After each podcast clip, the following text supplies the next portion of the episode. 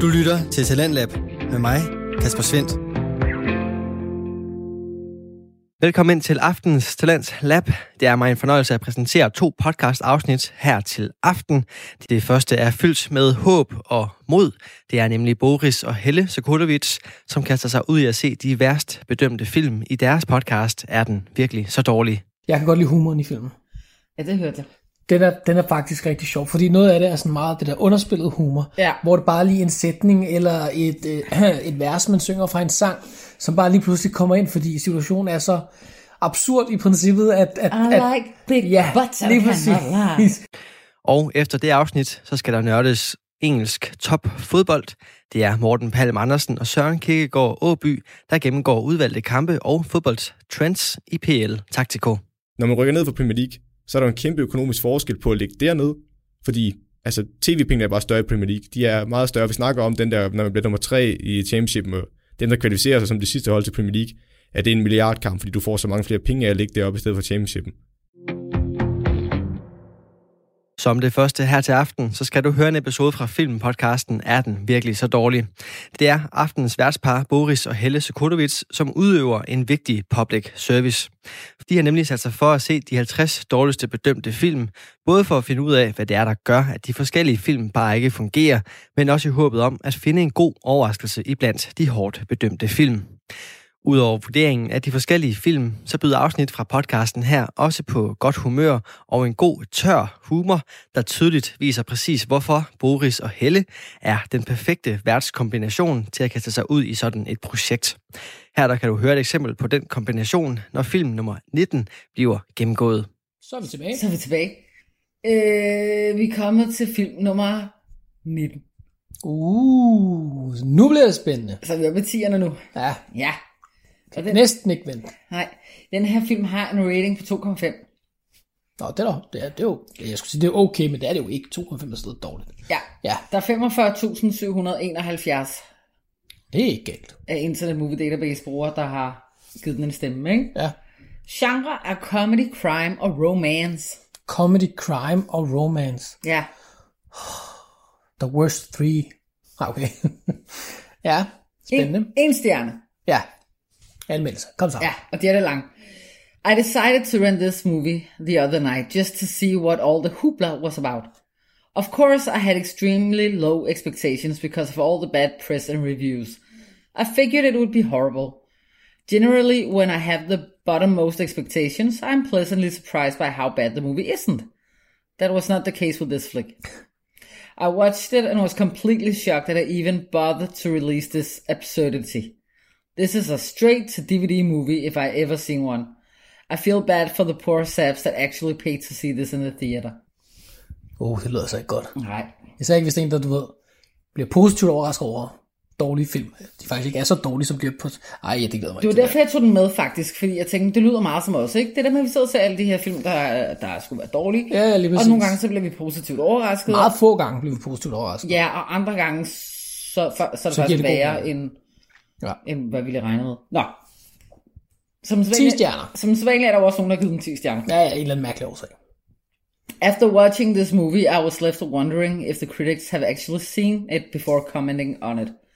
The movie was significantly better than expected, considering all the bad reviews it got.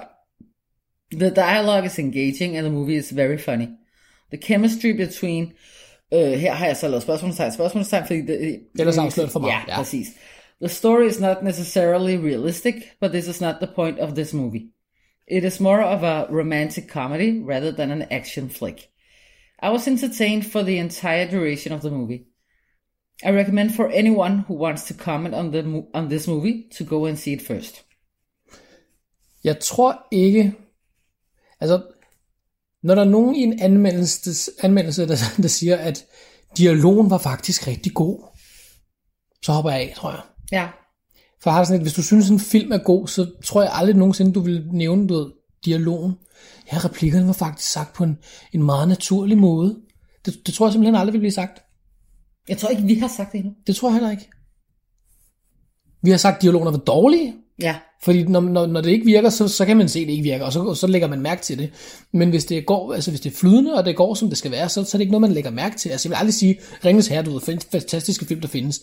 Dialogen der er faktisk rigtig god. Det er en måde, de interagerer med hinanden og snakker sammen. Det er virkelig godt lavet. Det vil jeg aldrig Ja, sige. nej, jeg ved det ikke. Der vil jeg bare sige, det er en Altså, jeg har jo hørt nogle af de rigtige anmeldere gøre det. Seriøst? Ja, det tror jeg. Jeg kan også godt, at vi ikke er rigtig anmelder. Vi er bare lægmænd, hvad ved vi? Vi er bare for sjov folk. Godt. Plottet. Ja, i den her romantiske action-komedie.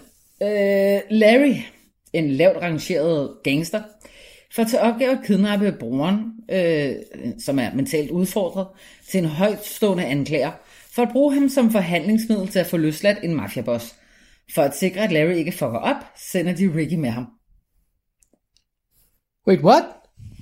En gang til. Lad mig lige høre det. Skal han kidnappe sin egen bror, der er retarderet? Han skal kidnappe broren til en højtstående anklager. Nå, som er retarderet. Anklageren er ikke retarderet. Nej, nej, broren. Man må ikke sige retarderet. Øh, øh, Mentalt udfordret. jeg. ja, ja, oh, ja. Ja, det er rigtigt. Undskyld. Ja, altså jeg er pædagog, så jeg skal jo helst... Jeg er ikke pædagog, så jeg må godt. Ja. Nå. Og så har jeg lige noget bonusinfo. Ja. Det var meningen, at filmen skulle være en mafiafilm. Men imod instruktørens ønske ville studiet gøre det til en romantisk komedie. Den dårlige oplevelse gjorde, at instruktøren valgte at stoppe som instruktør efter denne film. Og simpelthen stop som instruktør efter filmen. Ja. Så det kan være, at han har lavet en dårlig film med vilje. Nej. Han ville have lavet en mafiafilm. Ja, det er også det, jeg mener. Han ville have lavet en mafiafilm, men, men producenterne ville have, at det skulle være en romantisk komediefilm. Og så tænker han, ved du hvad, fuck ja, jeg laver en romantisk komediefilm, som er så fucking dårlig, at I ikke tjener en skid på den. Og så stopper jeg. Det er den bedste måde at sige op på. Nå, Men jeg er ikke spændt på den. Instruktøren er Martin Brest. Og nu Ja, skal du høre, fordi Brest. han har lavet Frækkeren politiet tillader, Nå, Midnight Run, En duft af kvinde og Meet Joe Black. jeg kender to af de fire film. To af dem er gode. Meet Joe Black kender du. Ja, Ja. og frækkeren politiet til. Jeg har også set En duft af kvinde. En duft af kvinde har jeg ikke. Er det der parfume? Nej, Nej, okay. Jeg har ikke set en duft af kvinde. nej. Så man kan sige, det er jo en, en instruktør, der har nogle øh, er gode nogle... film i bagagen, ikke? Ja, lige præcis. Og kendte skuespillere. Justin Bartha, som var med i The Hangover, øh, og så var han Riley i National Treasure. Ah, ja, ja, ja. Okay. Lainey Kazan, som var med i My Big Fat Greek Wedding, og så var hun også med i Bratz, som vi har set, som Ja. også er på listen. Ja, hende kan, kan jeg ikke huske. Nå, det kan du, når du sagde. Men det er godt at være med i to dårlige film. Men Bratz var ikke så dårlig. Nå, du kender hende, når du sagde hende. Ja, ja. Men pff, måske. Al Pacino. Igen Al Pacino, det er anden film, han er med i, Yes. der, hvor han også... Ej, den mand, han er... Mm. Christopher Walken. Christopher Walken kan jeg ikke blive sur på, og det er udelukkende den måde, han snakker på. Jeg er vild med den.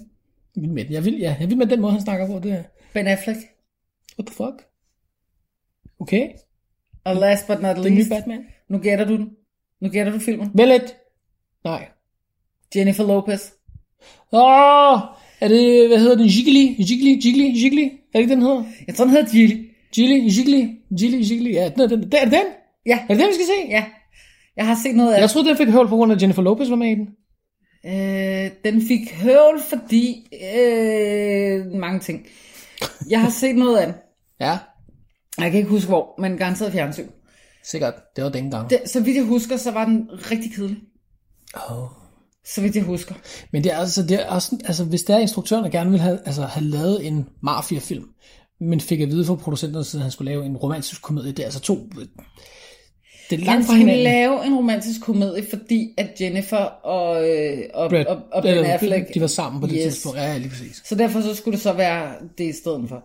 Der er også nogen, der har givet den høvl, fordi Jennifer Lopez, hun spiller øh, øh, øh, en lesbisk kvinde i den her film. Og det er fordi, hun ikke er lesbisk, eller hvad? Nej, men oh. så fordi, at øh, der er jo nok noget med nogen, der falder for hinanden i den her film. Og når man er lesbisk, så pludselig falder for en mand, ikke? Altså, hun er lesbisk i filmen, men falder for en mand i filmen. Ja. Og så er hun ikke lesbisk, så hun er bare biseksuel. Ja. Hun troede bare, hun var lesbisk. Hun kan både lide taco og hotdog. Ja, og det er meget naturligt. Det er helt okay. Vi skal ikke hate på dem, der kan lide både det ene og det andet. Nej, Det er unfair, fordi så har de mere at vælge imellem, men det er Ja, der. sådan helt oprigtigt, inden vi begynder at få en shitstorm. Vi hater ikke. Kun på røvhuller. Ja, det er faktisk vidderligt det eneste, ja. vi hater på. Ja, jeg skulle lige sådan tænke igennem, men jo, det er rigtigt. Ja, ja, det er sådan lige meget, hvad, hvad farve man har, eller seksuel, sex, orientering, eller religion, eller sådan noget. Hvis du er et røvhul, så er du en idiot. Ja, og hvis du laver virkelig dårlig film, der er repræsenteret på listen flere gange to, så er du også et røvhul. Øh, ja, men det er... Øh, jamen, vi har et par stykker, ikke? Ja, det har det. Det er, det er Gilly fra 2003. Okay, altså jeg, jeg synes, at jeg husker, har jeg ikke set den film. Men du har hørt om Gobble Gobble. Men jeg har hørt, nej, jeg har ikke hørt om Gobble Gobble. Jeg har hørt om Jiggly, Jiggly, Jiggly. Har du ikke hørt om Gobble Gobble? Jeg har ikke hørt om Gobble Gobble. Så jeg er spændt på det. Altså, jeg, jeg, havde, jeg, jeg gad ikke at se den dengang, fordi det var Ben Affleck og Jennifer Lopez, og det var bare sådan lidt, øh, altså, virkelig, til at brække sig over. Men Ben Affleck har egentlig lavet ret fede film efterfølgende. Det har han. Og nu er han også Batman. Det er ikke det nyeste Batman. Hvad for nogle fede film har Ben Affleck lavet? Der skulle være en Fargo eller noget, den skulle være ret god. Og som Batman er han ret god. Og jeg kan også godt lide nogle af de film, han laver sammen med Matt Damon. Dogma kunne jeg godt lide. Jeg tror, det er det, den hed. Var det den hed? Dogma? Dogma. Ja, det var god. Aldrig set. Det var god. Det var sjov. Chris Rock er med i den. Ja, men det er ikke den, vi skal se nu. Nej, desværre. Det havde ellers været fedt. Ja. så vi, vi ses. Ja. Er den virkelig så dårlig? Så er vi tilbage. Ja. Har vi set filmen? It's turkey time, gobble gobble. Ja, jeg, jeg, ja, jeg forstod stadigvæk ikke den scene. Nej. Og nu vil, Først jeg, til sidst, jo. nu vil jeg være ærlig, ikke? Ja. Ja, jeg blundede ret mange gange. Ja, det gjorde du. Men det er også fordi, vi er kommet lidt sent i gang. Ja, Det har været en busy dag, så, øh, så det bliver mest dig, der styrer. det var mig, der styrer showet. Det er dig, der styrer showet i dag. Wow. Nå, skal vi, skal vi, skal vi starte med det positive? Det kan vi godt. Eller skulle du lige sige, at du, man kunne få den på DVD? Nå ja, det var det. Øh, jeg kunne jo ikke finde den nogen steder på nogle streamingtjenester, så jeg købte den på Amazon.co.uk til, til 3,99 pund. Ja. Og filmen udtales Gilly. Det rimer på really. Ja. Og hvis man har set filmen, så ved man, hvad, hvad jeg snakker om. ja. Godt. Det fik jeg da med. Hvad har du så af positive ting til den her film? Har du nogle positive ting til den her film? Ja, det har jeg fa- faktisk. Ja.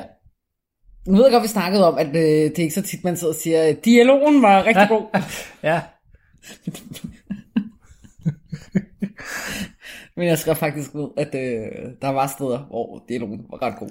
Ja. Øh, hvis man tager i starten mellem øh, mafiabossen øh, Louis Ja. og øh, Gilly. Gilly. Kan jeg vide, om det er sådan, en rapperen også udtales? Så Gilly? Nej, jeg tror, jeg tror selv, han siger Gilly. Nå, Gilly, jeg ved det ikke. Jeg ved det ikke. Klokken mange. Han har i hvert fald aldrig sagt rimer på Rilly. Det er rigtigt. Eller Grilly. Eller noget den du Ja. Nå, positivt til. Nå, ja, men altså dialogen var faktisk ret god. Ja, Nogle okay. steder, ikke? Mm-hmm. Øh, Ja. Justin Bartha, der spiller Brian, Ja. øh, som er den mentalt udfordrede, øh, øh, mentalt udfordrede gissel. Ja. Øh, det svingede faktisk lidt, men jeg vil, jeg vil egentlig putte ham lidt på den positive, ikke? Fordi at, at øhm, det, jeg synes, hans mentalt udfordrethed, Den skifter lidt. den skifter lidt meget, men han er en charmebøf. Ja.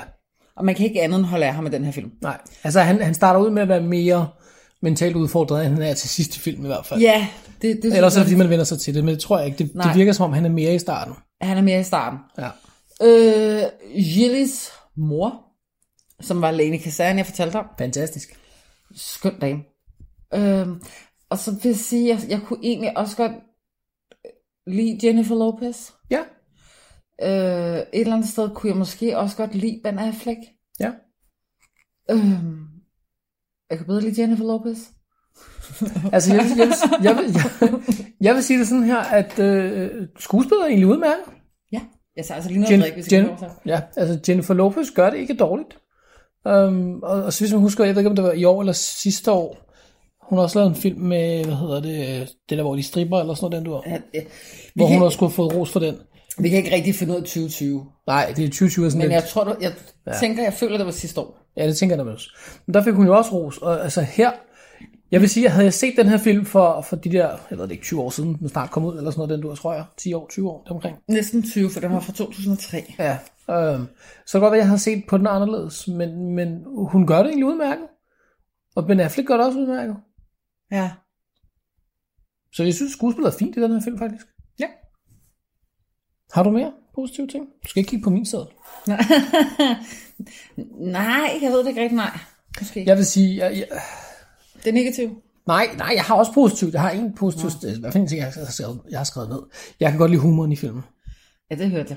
Den er, den er faktisk rigtig sjov, fordi noget af det er sådan meget det der underspillet humor, Ja. hvor det bare lige en sætning eller et, øh, et vers, man synger fra en sang, som bare lige pludselig kommer ind, fordi situationen er så absurd i princippet, at... at, I at like big ja, butts, lige præcis. ikke afsløre, ikke afsløre. Nej, det gør jeg heller ikke. men, men, men, men den scene er bare fantastisk. Altså, jeg, jeg, var, jeg var fladgrin. Ja, der, jeg, var, der var scener, der faktisk var meget sjove. Ja, Det vil, jeg, det vil jeg altså også godt gå med på. Ja. Der var humor. jeg ved dog, jeg ved, nej, den kommer ind under. Jeg vil har, også lige sige Al Pacino. Al Ja. Pacino synes jeg faktisk også øh, er, er, er god nok i den her ja, film. ja, det er han også. Christopher Walken er for lidt med. Ja. Ja, men det er Al Pacino også i princippet. Du lytter til Radio 4. Jeg, jeg, har, jeg har en ekstra, normalt skriver vi positive og negative ting ned. Jeg har en ekstra en med i dag også, som hedder blandet for mig. Ja, det har du Og, tit. ja, lige præcis. Det er sådan en ting, hvor jeg, jeg kan ikke putte den ind i positiv, men jeg kan ikke putte den ind i negativ. Det er mere sådan en observation. Det er der, jeg har Justin har- Bartha, tror jeg. Ja, Ja. ja, lige præcis. Så den kan vi tage til sidst. Så tænker jeg, at vi går til det negative. Okay. Vil du starte, eller skal jeg starte? Nej, du, du må godt starte. Jeg starter. Okay. Øh, det her, det var faktisk mest i starten af filmen. Der var mærkelig baggrundsmusik. Ja, det var. Øh, vi snakker også om det, tror jeg, sidste film. Men der er en scene, hvor jeg tænker, okay, det her, det, det, det, er bare, det er bare mærkeligt, at der kommer den her baggrundsmusik midt i scenen, fordi scenen var ikke slut eller noget, og musikken var ret høj i forhold til scenen, så det var sådan lidt, det, det synes jeg var lidt mærkeligt. Ja. Og så mangler der, der mangler super meget en baggrundshistorie Ja, for, for Ben Afflecks karakter. Det er ham, der, der er hoved, eller omdrejningspunktet her. og han skulle åbenbart fuck op ret meget, men jeg ved ikke, hvad han har lavet. Men samtidig med skulle han være gangsters gangster. Bla bla bla. Siger han dur, selv, ja. Siger han selv.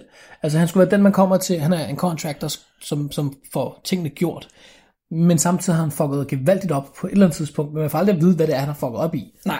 Men mindre det er en lille subtle hint med hensyn til en returadresse på en pakke på et tidspunkt. Jeg ved ikke, om det er det store fuck up. Men der mangler noget baggrundshistorie. Ja, der, der er nogle plothuller også. Altså, Ja. der er, Jeg vil sige, at i løbet af filmen, synes jeg faktisk, man kommer til at holde af ham rigtig meget. Men i starten synes jeg, det virker meget overfladisk, netop fordi man ikke kender til ham overhovedet. Øhm, og så handler filmen i princippet ikke om særlig meget. nej.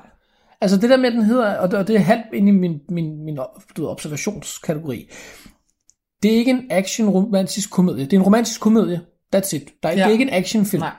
Det er, ikke, det er intet, altså, nej, det er det ikke. Det er en romantisk komedie, for den handler i princippet om intet, og jeg tror, den har alt i alt måske fem forskellige scener, altså, hvad hedder det, baggrundsscener, hvor det er, de er visse steder. Mm-hmm. Der er i hvert fald ikke meget mere, måske syv. Så, så det, er ikke en, det er ikke en film med kæmpe store effekter, og de er over det hele på i USA eller noget. De er fem, seks, syv forskellige steder i, i løbet af filmen, og that's it. Ja. Det har ikke været en dyr film at lave, tror jeg. Altså, man kan jo godt forstå... Jo, fordi der har været nogle lønninger. Ja, lige præcis. Men man kan, jo, det. man kan jo godt forstå instruktøren lidt, ikke? Fordi jeg kan godt forstå, hvor han har ville hen, i forhold til, Ja. hvis det var en mafiafilm. Ja, det forstår jeg nemlig godt. Men man kan også godt se, at der er nogen, der har valgt at, at, at det skal tjene penge på det her forhold, der var, med- du ved, med de her benefer. Ja, som, helt som vi alle sammen kaldte dem dengang. ja. Det, Det- øh, det, det, eller gjorde vi det? Det ved jeg ikke. Øhm, Jo, det blev, de blev vist kaldt lidt benefit også på tidspunkt. Men, men altså, det, det, det kan godt mærkes, fordi at selve filmen stort set kun, altså der blev snakket enormt meget om sex, Ja, og samleje, og ja, og altså alt, hvad der har med sådan noget at gøre. Det blev der snakket, det lyder totalt som en, uh, en jomfru, sådan noget der. øh, det, det blev der snakket rigtig meget om igennem, igennem hele filmen. Det var faktisk det, filmen handlede om. ja seksuel orientering faktisk. Og jeg tænker, er det, her, handler det, er det en film, der handler om at springe ud af skabet eller sådan noget? Ja. Til sidst. Det, Eller i hvert fald det alt er flydende. Så man kan egentlig godt, når man, når man kender den bonusinfo, der hedder, at instruktøren vil have lavet den her film, men studiet vil have, at han skulle lave den her film, Så den, og så så er han faktisk ret tydelig. mere. Det er ret tydeligt, når man ser ja, den her film. Det var nemlig også en af de ting, jeg ville nævne. Fordi det virker som om, at der har været, starten der virker det som om, der faktisk har været en historie, Ja. men lige pludselig så handler den bare kun om, Jeg vil sige det sådan her. Jennifer Ben. Havde Jennifer Lopez rolle ikke været der, så havde det været lidt samme film, men helt anderledes. Ja. Den kunne have været meget mere dyster, meget mere, du ved, øh, inde i det der med, med mafia-metoder, og du ved, har man en samvittighed, hvis man er en af de her øh, thugs, der render rundt og laver det beskidte arbejde. For det er der, jeg tror, han ville, gerne ville have været henne af. Ja. Men så har man nemlig valgt at smide Jennifer Lopez ind og sige, nej, ved du hvad, vi skal lave en mm, smoochie smoochie film, ja. romantiske ting i stedet for. Hvor havde det været kun været øh, Ben Affleck, så havde, den, så havde den været helt anderledes. Jeg tror, den mere havde været i dur med Alpha Dog. Kan ikke helt huske, hvad Alpha Dog handler om, for jeg kan ikke huske, om jeg har set den eller ej. Jamen, det tror jeg, du har, hvor de også kidnapper en lillebror. Ja, Spillet selvfølgelig eminent af, af Anton Yelchin. den nu afdøde. Ja, øh, og hvor der også er ting, der går galt. Og jeg vil ikke spoil den, hvis man ikke har set den. Nej, lad det. Men jeg tænker, at den ville have været derhen af. Ja, Altså, Anton spiller i Alpha Dog en lillebror til en gut. Ben Foster, mener jeg faktisk, det er. Og, og fordi, at der er nogen, der så, lidt ligesom bande, du ved, der, der, der, vi er uvenner, så vi kidnapper din lillebror. ja, Og de ender også med at holde af ham. ja. Ja, og så siger jeg ikke mere, for så spoiler jeg. Men jeg tror, det er der, den ville have været hen af, hvis det var, at man havde taget Jennifer Lopez ud af ja. The Equation. Det her havde været en film om en, en, en thug fra mafia-miljøet, som har fået en opgave, som han i princippet i, i det lange løb, ikke, eller i løbet af filmen, ikke ville kunne klare, fordi han, der opstår nogle forhold til, altså sådan storebror-lillebror forhold til den person, han har kidnappet, og han derfor finder en måde, han gerne vil faktisk ud af miljøet på. Noget af den dur, højst Ja. sandsynligt. Men de har så smidt Jennifer Lopez ind, og så bliver det sådan en lidt, jeg vil ikke sige en pladeromantisk film, men der kommer et andet element i, som end var, var tiltænkt. Jamen, fordi den er egentlig heller ikke romantisk, hvis du Ikke, spørger mig. ikke Altså, sådan, synes jeg Det er mere, vi er mere den på flirteriplan. Og Ja, bolle, og det- bollevennerplan. Altså meget overfladisk plan, og det bliver meget ligegyldigt. ja.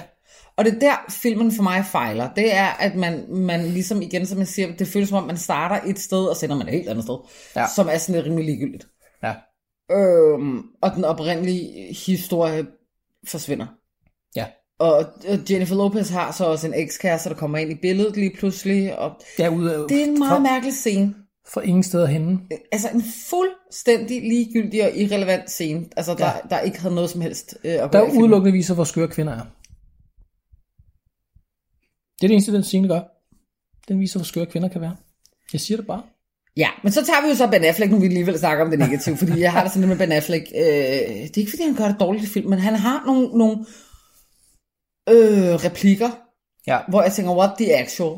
Ja. For eksempel, hvor han er en gangster-gangster, ikke? Og det er sådan nogle meget lange replikker, han har nærmest en monolog, ikke?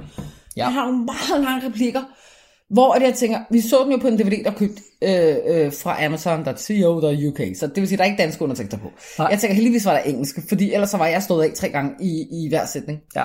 Øhm, han har også en med sådan en, nærmest en ode to the penis. Ja, Altså, men det er en, det er, nu, nu, nu er vi nået til mine observationer. Og, og det er faktisk en af de ting, jeg har skrevet ned. Det er, at der er mange lange sætninger i den her film. Det er næsten som om, at filmen visse scener faktisk bliver til, til ja, et helt digt. sådan i sig selv. Ja. ja, lige præcis. Øhm, Altså, ikke Shakespeare, Shakespeare. nej, men nej, men, men You get my point. ja, det bliver, som du siger, det bliver en lang monolog, hvor den samme person snakker i sådan noget, du ved, 3-4 minutter nærmest. Jo, men og var det, var det bare det, så ville det være fint nok, men de der sætninger giver ingen mening. Men de har også en tendens til at smide, smide store ord ind i deres sætninger. Så jeg ved ikke, om det er instruktøren, som gerne vil have, at folk skal være lidt mere oplyste, eller et eller andet den dur, men, men det, Ja. Det var da et mærkeligt det, er en, det er en anderledes film i hvert fald, Ja, vil jeg sige. Også hele, hele altså, når Christopher Walken han kommer ind i scenen, så er det nærmest øh, du ved, ham, der snakker fra start til slut. Konstant. ja, og sammen med Al Pacino. Ja, lige præcis. Altså, de har deres egen lille øh, ja, teaterstykke der. Ja. Så Det er Into the stage, I Ja. exit the stage. Så Ja. det, er sådan, det er sådan lidt en spøjs. Altså, jeg synes, det er en spøjs film lige på det punkt. Og så har jeg noget andet, ikke? Fordi Ja. Det var bare lige en lille bitte observation. Oh. På et tidspunkt... Har så, du også lavet observation? Jeg har også lavet observationer. på et tidspunkt, så skal de sende noget med posten til øh, øh, øh, hvad hedder det, Gisle Bryans familie. Ja, Jeg vil ikke sige, hvad det er. Men der køber de en kuvert. ja. Og det jeg ikke forstår, det er ikke fordi, jeg nogensinde har været en del af mafiaen, men man står med den her kuvert uden handsker på. Ja, Det er fandme underligt. så nu, nu er jeg jo... Nej, hvor du hvad, det er ikke engang fordi jeg er laborant. Nu har jeg jo set nogle af de her, du ved, kriminal efterforsknings... Øh, hvad hedder det? Serier. Ja, Er vi ikke enige om, at fingeraftryk de fandtes i år 2003 også? jo, det er rimelig. Og den måde, man sikker finder dem på, fandtes også i år 2003. Noget af det første, man vil gøre, det er, at man vil tage kuverten med handsker på, og så vil man ligesom tjekke for fingeraftryk. Jamen jeg vil sige, så der er så mange af de her ting i forhold til det professionelle mennesker, vi snakker om. Så er meget af det ja, uprofessionelt, altså professionelt i deres fag i filmen. Så er meget af det, de laver, absurd uprofessionelt. Altså han tager ham med hjem til sin egen lejlighed, hvor hans rigtige navn står på postkassen. Ja. Øh, han bruger ikke handsker på noget som helst tidspunkt. Øh, fingeraftryk er åbenbart ikke eksisterende i, i den her verden, indtil det bliver bragt på banen. Øh, det, det, Han har sikkert også kunne tjekke sig ind på en eller anden mærkelig måde, for at overhovedet komme ind på det her hjem, hvor... Den hvor der ikke er nogen videoovervågning udfordrede- heller, eller ja, noget som helst. Nej, ja, jeg ved det ikke. Der, der, der er rigtig mange ting, som ikke giver mening i hvert fald. Yes. Jeg ved ikke, om det er goofs, eller om det simpelthen bare er fordi, at han er jo en, en, en super dårlig gangster-gangster. Ja, det kan, ja, det kan være, det bare po- pointen, at han faktisk skal være dårlig. Ja. Men altså, jeg, jeg ved ikke, det, det er en anderledes film i hvert fald. Ja. Lidt ligegyldig. Ja, Den er sjov nok nogle steder, men, men igen, altså historien vil ingenting. nej. Det, det, det vil den virkelig ikke. Det, den har, ja, nej. Og så kunne jeg måske godt have tænkt mig, at nu vi snakker om det der med seksualitet, jeg kunne måske godt have tænkt mig, at Jennifer Lopez ikke på noget tidspunkt i den her film ytrede decideret, at hun var lesbisk. Nej, Fordi havde hun bare sagt, jeg er til kvinder. Nej, jeg ved det ikke. altså jeg vil sige, vi, vi snakker om det i starten jo med, han, altså, du ved, der er nogen, der har problemer med, at hun var lesbisk, men så har hun hang til pølse alligevel. Men de gør det meget hurtigt klart i filmen jo også, jamen ja, hun er lesbisk, men hun har også været sammen med mænd. Og det er jo meget normalt. Så hun, jamen lige præcis, så hun ved godt, hvad pølse smager af. Og her har hun så lyst til pølse igen. Ja. Jeg havde, jeg, jeg havde måske bare foretrukket, at hun havde sagt, at hun var til kvinder, eller at hun havde... Det ved jeg ikke. Jeg ved ikke, hvordan hun skulle pakke den ind, men altså... Ja, hun åbner op for den igen i hvert fald. Men den er meget seksuelt orienteret, Ja. som i rigtig meget. Er det en dårlig film? Det synes jeg faktisk ikke. Nej, jeg synes bare, den er... Jeg synes ikke, det er en dårlig film. Jeg synes bare, den er på, på den her ligegyldighedsskala. Sådan en film, jeg ved ikke, hvad, hvad den skulle gøre godt i verden. Nej, altså jeg vil sige, at jeg, jeg giver den meget højere, end hvad den har fået, faktisk. Jeg vil give den 4. Ja. Fordi det er ikke en dårlig film. Det er, ikke, det er ikke en fantastisk film. Den har rigtig gode humoristiske indspark. Altså, når han synger I Like Big Butts, det er et fantastisk tidspunkt at gøre det på. Mm-hmm. Og han synger hele sangen nærmest. I hvert fald en stor del af første del af den. Så det har den rigtig meget godt af. Er det en film, jeg nogensinde vil sætte på igen? Nej, det vil jeg nok ikke. Men, men, men den er ikke dårlig. Det er bare en film, der ikke rigtig... Den, den har ikke den største fortælling at ville fortælle. Nej, det er en film, der ikke rigtig vil noget. Ja, lige præcis. Der er ikke noget budskab, der er ikke noget plot, der er ikke noget... Nej, og man kan godt se, altså når man ved det fra start af, jamen, du ved, instruktøren vil gerne en retning, så er det tydeligt at se i starten af filmen, ja. I forhold til, hvordan filmen udarter sig. Men, men, men det er ikke en dårlig film. Det er det faktisk ikke. Den burde ikke have fået så meget hate, som den har fået, da den kom ud. Nej, men grunden til, at den fik hate, det var helt klart på grund af, af Jennifer Lopez og Ben Affleck og Ja, deres ja. forhold. Og måske var folk ikke trætte af den. Det kan jeg ikke huske. Det er mange år siden. Ja, ja netop. Øh, vi var unge og smukke dengang. Jeg kan ikke huske Og fast i kødet. Ja. Jeg tror, jeg ender på en... Øh, jamen, jeg synes, at, øh, at, øh, at Brian, han, han trækker den lidt op for mig, og så trækker han den lidt ned igen. Ja. Jeg tror, jeg ender på 3,7. ja. Det kan jeg, den kan jeg også godt gå med på. Det er så igen. Jeg ender på 4,0, fordi jeg giver den lidt højere, for jeg, jeg griner lidt højere end dig. Men jeg griner heller ikke så højt. Nej, det gør du ikke. Du, du lægger dig til at sove. Ja, det gør jeg. Jeg griner ikke så tit. Og hvor lang tid var den? F- øh, næsten to timer. Ja, lige præcis. Så det er, det er en lang film Ja, alligevel. der ikke handler om noget. Ja. Ja. For det får den 3,5. Radio 4 taler med Danmark. En film med så vild en skuespillerliste burde nok ikke være på listen over de dårligste bedømte film, men det er præcis der, hvor Gigli ligger, og derfor der gennemgik værtsparet Boris og Helle Sokolovits den i deres podcast Er den virkelig så dårlig? Du kan selvfølgelig finde alle de andre gennemgange af filmene på listen over de dårligste bedømte film inde på diverse podcast-platforme, eller finde tidligere Talentlab udsendelser med og uden Er den virkelig så dårlig inde på radio4.dk eller i vores Radio 4-app. Som aftens andet podcast-afsnit, der skal vi væk fra filmens verden og ind i fodboldens. De to værter, Morten Palm Andersen og Søren Kirkegaard Åby, er nemlig klar med deres detaljerede gennemgange af udvalgte kampe og fodboldens trends i deres podcast PL Taktiko, der selvfølgelig handler om den engelske topliga Premier League. I aftens afsnit er det spilleuge 4, der skal kigges i sømne, og den gennemgang får du her. Velkommen til dig, Søren. Jo tak, og lige måde, Morten. Selvom der er gået noget tid, og der har været en landsholdspause, så er det stadigvæk tre fede kampe, vi har med i dag. Det er det, og øh, ja, som du siger, der er gået lidt tid, der har været en landsholdspause, men det er jo kampe, som, som man husker. Altså, øh, det må vi bare sige. Særligt to af dem, og så den sidste, det er jo øh, en, lidt, en lidt speciel en, men det skal vi nok komme til, både hvorfor og, øh, og hvordan. Men lad os øh, starte med at tage nogle nyheder fra Premier League. Det første, jeg har på, øh, på tapetet, det er jo egentlig det, som kommer til at være din deep dive. Det kan vi vel godt øh, afsløre allerede nu, som er Project Big Picture. Og jeg ved ikke, om, øh, om du vil bare vente simpelthen til din deep dive med at forklare. Ja, men det er jo den her aftale, der er kommet fra, eller øh, et bud på en aftale øh, for at redde EFL-klubberne, altså klubberne nede i League 1, League 2 og også Championshipen, øh, hvordan Premier League skal være med til at redde dem. Og så er der også nede nogle andre detaljer ind, og det er jo øh, et forslag, der er kommet fra primært Manchester Uniteds, øh, Glazer-familien, øh, deres ejer, ejerskab, og så er det Liverpool-ejerskabet med FSG, med John Henry og Tom Werner, der har, har stået for det her. Og altså, det, det, det ligner en redningspakke på overfladen, men, men i virkeligheden er det så meget mere, og det er også derfor, jeg valgte at tage den som deep dive, fordi i virkeligheden ville jeg også rigtig gerne have kigget på det utrolig ringe forspil, både i United-kampen og i Liverpool-kampen. Øh, men det her det er bare så stort, at vi ikke kunne undgå at tage det med, så derfor har jeg også taget det med i min deep dive, så jeg kan gå i dybden med det.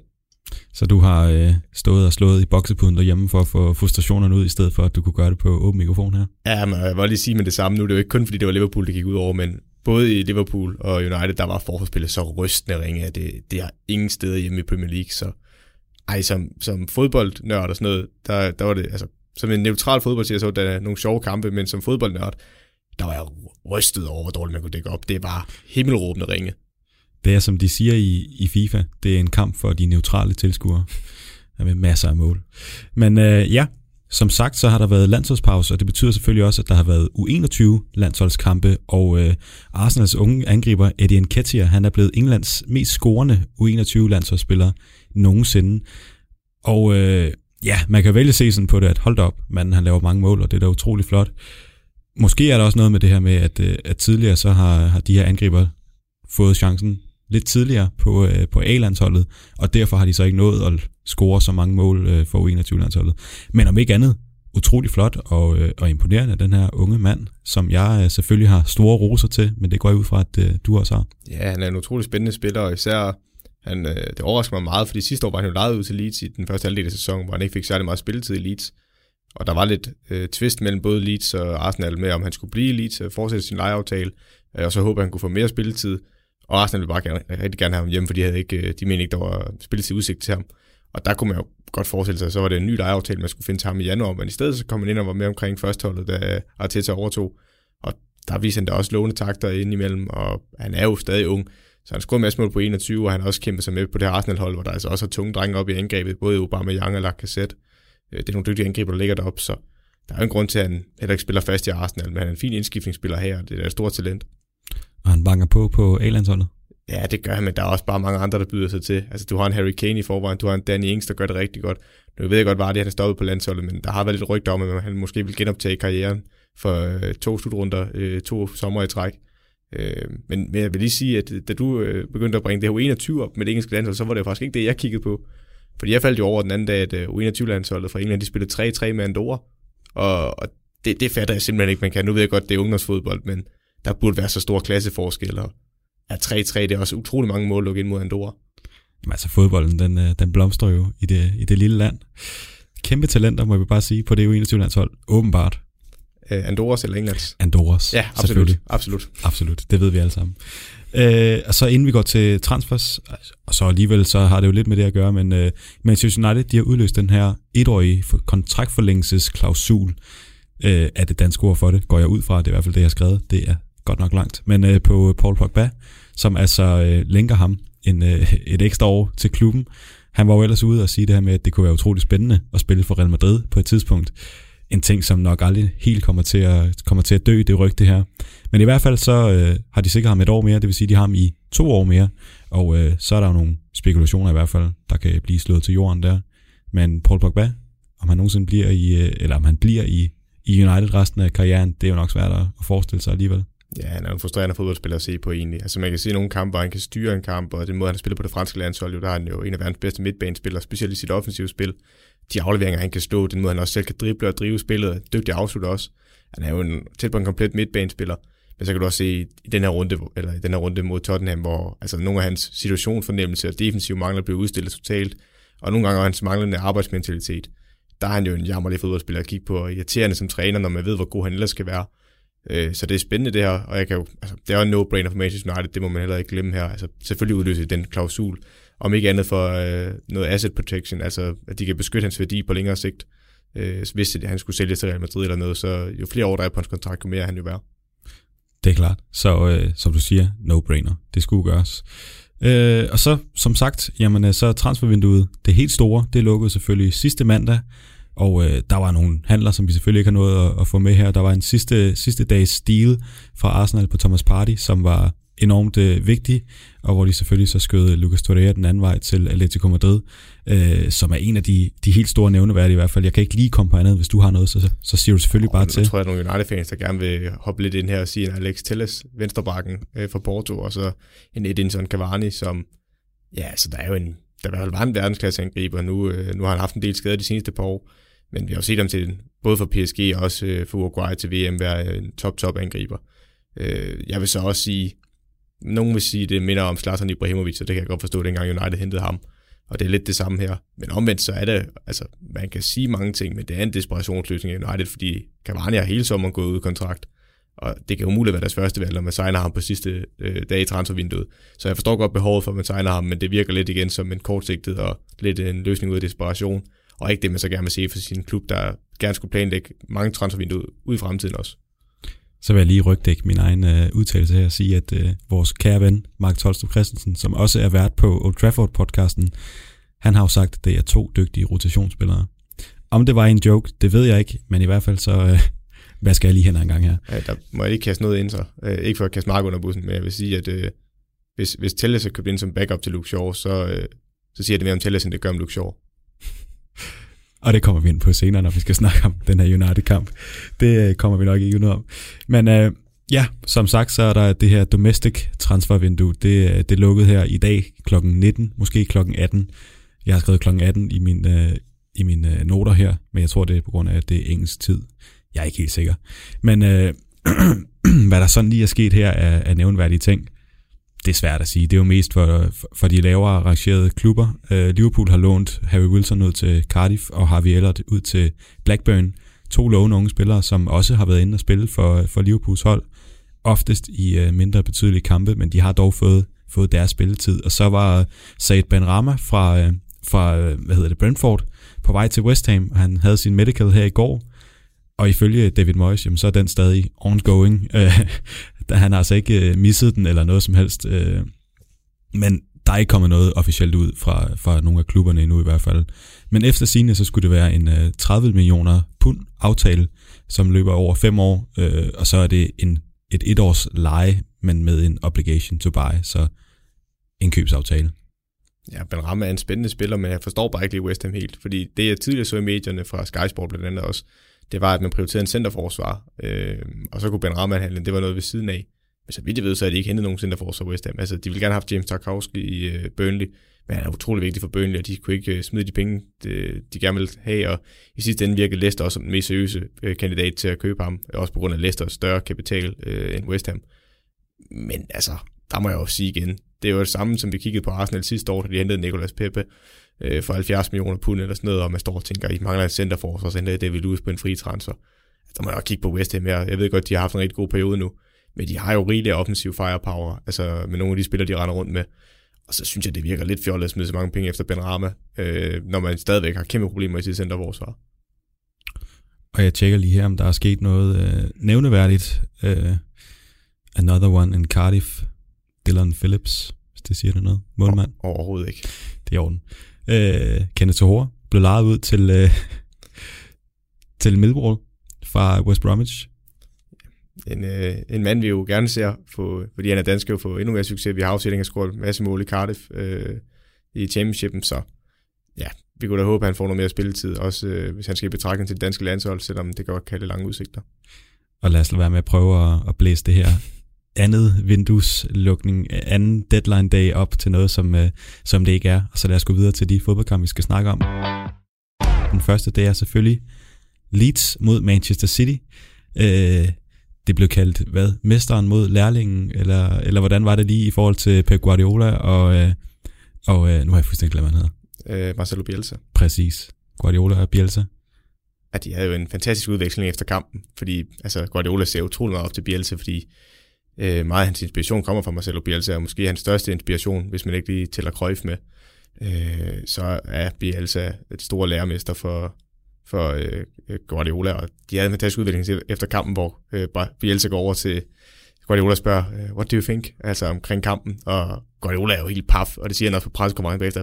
Han, altså kampen er lige slut, lige gået et minut eller sådan noget, han har overhovedet ikke noget analyseret den, men Bielsa havde allerede, i hvert fald ifølge Guardiola, noget analyseret den, og havde allerede en holdning til, hvad det var for en kamp, og ja, det er jo bare utroligt hurtigt, og Bielsa, han, man kan sige meget om, at måske hans ledelsesstil kan have nogle, kan halte ind imellem, og øh, han, han er meget fodboldfanatisk, og det er som regel positivt, men det her, det er til det helt ekstreme. Men man må bare sige, at han er en dygtig taktiker, og han er dygtig til at kreere en spillestil, og han forlanger meget af folk, og det kan godt slide på folk. Men, men han er bare utrolig dygtig, og er nok en af de klogeste fodboldmennesker, vi overhovedet har, så øh, kæmpe respekt til ham, og med det her leadshold, de går ud og spiller, altså øh, går ud og spiller lige op med Manchester City, uden at grave sig ned og gå ud og tør tage kampen til City. Det er altså sjældent, at set en oprykker, der har kunne gøre det. Jeg ved godt, vi snakker om Norwich sidste år, der i perioder også havde en fed kamp mod City, men i reelt krakalerer resten af, eller det meste af, af sæsonen, fordi de bare ikke har niveauet. Altså lige til nu vist mod nogle af de store hold, både Liverpool og City, at de tør gå ud og spille fodbold, og de sagtens kan være med, uden at skulle gemme sig øh, og blive på egen halvdel. Så super fedt, de kunne tør til, eller tage til den. Det er, det er så forfriskende. Helt klart, og det var jo også det, vi havde håbet på øh, allerede inden, at runden gik i gang, hvor vi snakkede om det i seneste afsnit, at, at det var en kamp, som vi glædede os utrolig meget til, ikke bare fordi, at det var det her med, at jamen, det var mesteren mod lærlingen, men i det hele taget, fordi det var to hold, som, som gerne vil gribe kampen, og to hold, som gerne vil spille offensiv, flydende fodbold. Og når man har to hold, som så møder hinanden, der gerne vil det der, jamen, så bliver det jo bare utrolig spændende. Og jeg tror et eller andet sted, at nu ved jeg selvfølgelig ikke med dig, men jeg havde et eller andet sted regnet med, at der skulle være flere mål i den her kamp. Altså 1-1, det virker jo særligt, når vi så kigger på nogle af de andre resultater af den her runde, jamen en anelse kedeligt, men, men det var det jo egentlig ikke. Altså jeg vil, jeg vil langt hellere, nu ved jeg godt, at jeg er Liverpool-fan, men som neutral tilskuer vil jeg langt hellere sidde og se Leeds, uh, Leeds City igen, end jeg vil se, uh, end jeg vil se Tottenham United. Det klikker lidt, uh, lidt hul, når det kommer fra. ja, absolut. Jeg kan sagt, jamen, altså, jeg kan godt forstå, hvad du mener. Jeg kan, jeg godt, forstår, hvad du mener. Jeg kan sagtens forstå det især, men hvis vi så kigger på for eksempel Tottenham United-kampen, altså jeg vil langt hellere sidde og se Leeds City, fordi der er så mange, mere, uh, mange flere aspekter, synes jeg, i kampen. Der er, altså igen, når man sidder og ser på den her kamp, jamen, så er de første, nu snakker du godt nok om, at der ikke kommer mange mål, men der er flere situationer, der sagtens skulle være tilløb til mål, fordi Leeds starter ikke godt. De første 15-20 minutter, jamen, der prøver de at spille den ud, og de laver flere boldtab på egen banehalvdel, hvor City er dygtig til at fange med presset. Der er en, der bliver spillet op på Philips for Milje ned fra målet af, hvor den ligger for langt til den ene side, hvor Kevin De Bruyne bryder den, og så kommer ned på feltkanten, og han er lige splitsekund om, eller for langsom om at afslutte, så bliver den blokeret. Og der er også en anden situation til, til 1-0-mål til City. Jamen, det er jo Milje, der ligger en, prøver at spille en bold ud øh, i opbygningsspillets fase 1 og, og videre op i fase 2, op på sin øh, højre kant øh, på Costa, og der bryder Berner Mendy den, øh, og så kommer City afsted og score. Altså, der til at starte med, der har Leeds så svært at spille sig igennem presset. Jeg synes, at de rejser sig og kommer bedre med i kampen, og begynder faktisk derefter at sidde på det meste af kampen, og skaber flere chancer end City i den periode fra det cirka 25. minut frem til det 70. minut der er lige faktisk det bedste fodbold, synes jeg. Og det er igen en kæmpe ros til Bielsa om den spillestil og filosofi, han har bygget med det her hold. Fordi hvis du går ned af listen på det her City-hold og det her Leeds-hold, så tror jeg ikke, du kan få en Leeds-spiller til at være i startopstillingen hos City. Og så er det jo bare endnu mere imponerende, at man kan gå ud og tage spillet og have bolden og alligevel skabe flere, flere chancer end City. Det er dybt imponerende. Ja, og nu nævner du det her med, at, at hvis du tager spiller for spiller, jamen, så er der jo ikke én mand på, på ligesmandskabet, der et eller andet sted står det her stjernespækket Manchester City-mandskab. Og du nævnte også tidligere det her med, at Guardiola, jamen, han har så meget respekt for Bielsa. Er det et eller andet sted, det måske på en måde sådan øh, spænder ben for, for Guardiolas chancer i den her kamp? Selvfølgelig har han øh, rigeligt af det, og de spiller også en, en udmærket kamp, men, men det her Leeds-hold burde jo aldrig nogensinde, på papiret i hvert fald, kunne gå ud og så dominere et Manchester City-hold. Jeg synes, det er en sjov diskussion, for det er lidt ude i en diskussion om høn og ægget, fordi jeg synes ikke, det som sådan er City, der gør på den måde taktisk forkert, fordi de får egentlig kamp, hvor de gerne vil have den til at starte med, at Leeds prøver at spille den kort ud, og City fanger dem flere gange i det høje pres, og får også et mål på det, og skaber chancer på det.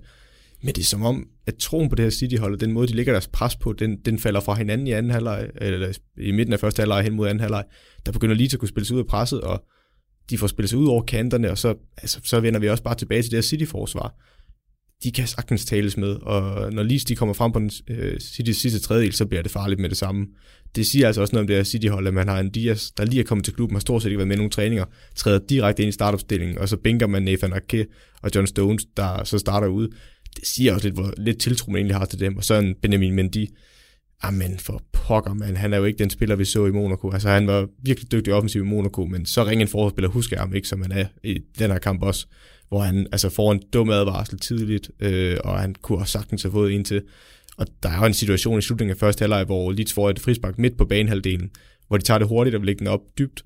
Og, men de har egentlig læst afleveringen op mod øh, Luke mener jeg da. Og så vælger han bare med en elendig første berøring øh, ned omkring eget felt, og den, den løber fra ham, og Eling har set situationen, prikker bolden og kommer afsted, laver en skudfind på en Laporte, der kommer glidende, og så er det Ederson, der kommer flot ud og lukker vinklen og redder, der egentlig redder den her situation, fordi ellers er det jo altså det er en kæmpe chance lige for på en lang aflevering, fordi der er en, der står og switchet off. Og det, altså, det er bare for ringe, og det må bare ikke ske på det her niveau for så dygtige spillere. Og det er det, der er Citys problem. De, de står nogle gange af. Der er også en anden situation, og det er måske mere typisk Kyle Walker. Jeg også så, jeg mener, det var mod Belgien her i landsholdspausen, øh, hvor der også bliver slået et indlæg ind, hvor Kyle Walker bare står og venter på indlægget, og så kommer, jeg tror det er Kastanje fra øh, Belgien, der kommer først på indlægget og hætter, men han kommer egentlig fra Kyle Walkers blinde side, der kan jeg godt ønske mig som træner, at han er bedre til at orientere sig om, hvad der kommer fra bagrum, eller øh, hans blindvinkel bag ved ham. Fordi det sker tit, synes jeg, ved Kyle Walker, og det er ikke kun ham som bak, men jeg synes nu, at nu er det ham, jeg har set det ske øh, flest gange, når jeg har siddet og set kamp det er igen, Alioski, han kommer fra en blind vinkel, og det er et indlæg, der er fint for Luke Ayling, men Karl Walker står bare og forventer, jamen der er ikke nogen, der kommer på det indlæg, så jeg kan bare stå og vente på det og hætte det væk. Og så kommer Alioski altså først på den, og han hætter over mål, men det er en kæmpe chance, han får, fordi Karl Walker ikke lige tager det skridt hen til bolden, fordi han bliver malig, og tror, han bare kan hætte den væk under kontrol. Og det kan man bare ikke. Øh, specielt ikke mod de der indlæg, der lige får lov til at hænge lidt. Øh, og det, altså igen, det, øh, både med de og Karl Walker har de her, hvor de bare switcher af, altså det er, det er simpelthen ikke godt nok. Men kan det ikke også være et, et, et udtryk for, at de måske har, har undervurderet det her Leeds-mandskab en, en smule. Nu ved jeg godt, at øh, Guardiola har nok ikke været inde og sige, at øh, jamen, det her det bliver en walkover, det er nogle oprykker og, og så videre. Men det kan jo godt ligge lidt i, i spillernes hoved, og som du siger, Carl Walker, han står bare og tænker, at jeg kan bare stå stille og roligt maligt og, og hætte den her væk. Kan det ikke være, fordi at City-spillerne føler lidt, at Nå, men det her hold, det kan vi, kan vi jo sagtens bare så tror jeg mere, at det er noget, i nogle individuelle situationer, hvis vi ikke skal pege på det, så kan det være for eksempel, når en Mendy står over for en Helder Costa, han tænker, ah, ved du hvad, der har jeg mand-mand, du kan ikke løbe fra mig.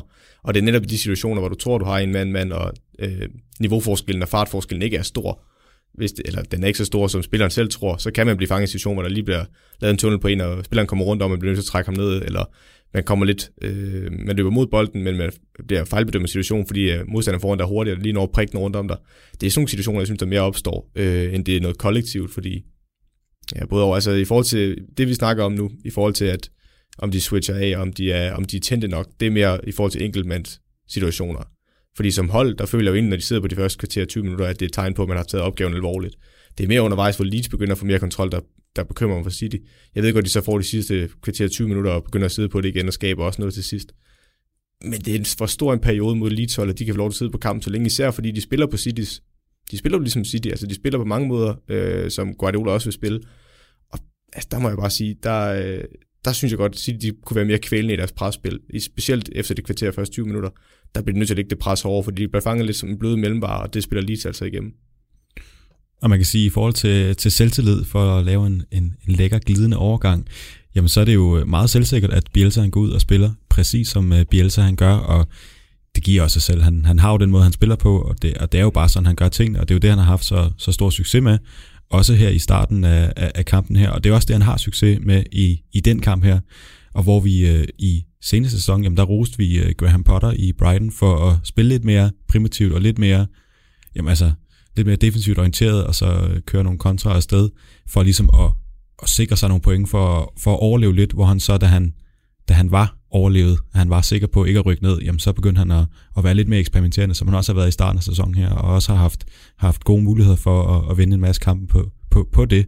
Men øh, ja, mit spørgsmål var egentlig, hvis nu at Leeds de havde, havde grebet kampmand, som de gjorde, som de har gjort her, de vil gerne styre den, de vil gerne være, være City egentlig i den her kamp og så havde været jamen, altså, smidt ud af eget bane med, med en, et 5-0 nederlag, havde vi så også rost Bielsa for at, at holde fast i sin gameplan?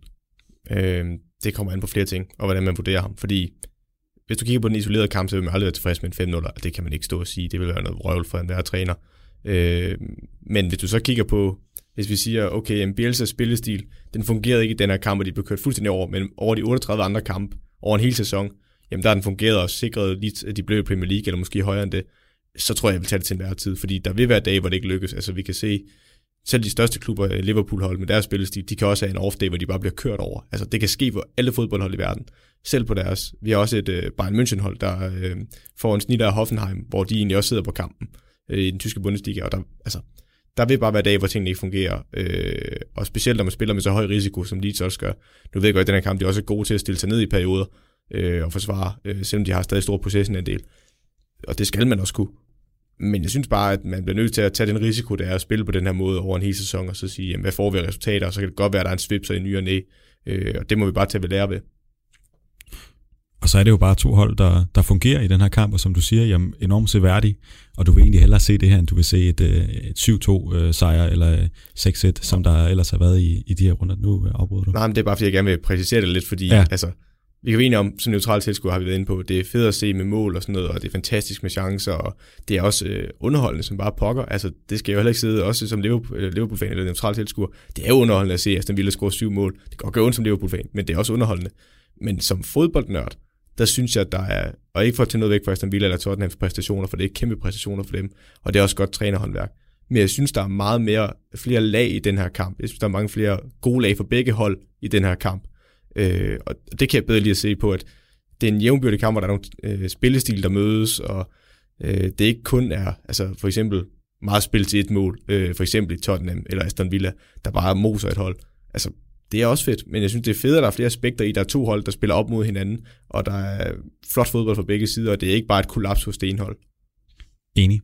Øh, og ja, som sagt, to hold, der spiller, spiller godt op, og egentlig også spiller op til deres bedste, kan man vel godt sige, fordi at, øh, at det er jo ikke fordi, vi sidder og finder, finder hår i suppen, tværtimod, vi roser, roser begge, begge mandskaber. Ja, men det skal præciseres også, fordi i væk, når vi sidder og siger, at City på papiret har et bedre hold, så skal de også slå det her Leeds-hold. Altså, kan det godt være, det eneste, jeg så vil sige, det er, at det her det er jo et vink til en vognstang til nogle andre store øh, hold og til deres ejere og ledelse, at man kan se et Leeds-hold, der har holdt fast i et koncept, og det lykkes med det.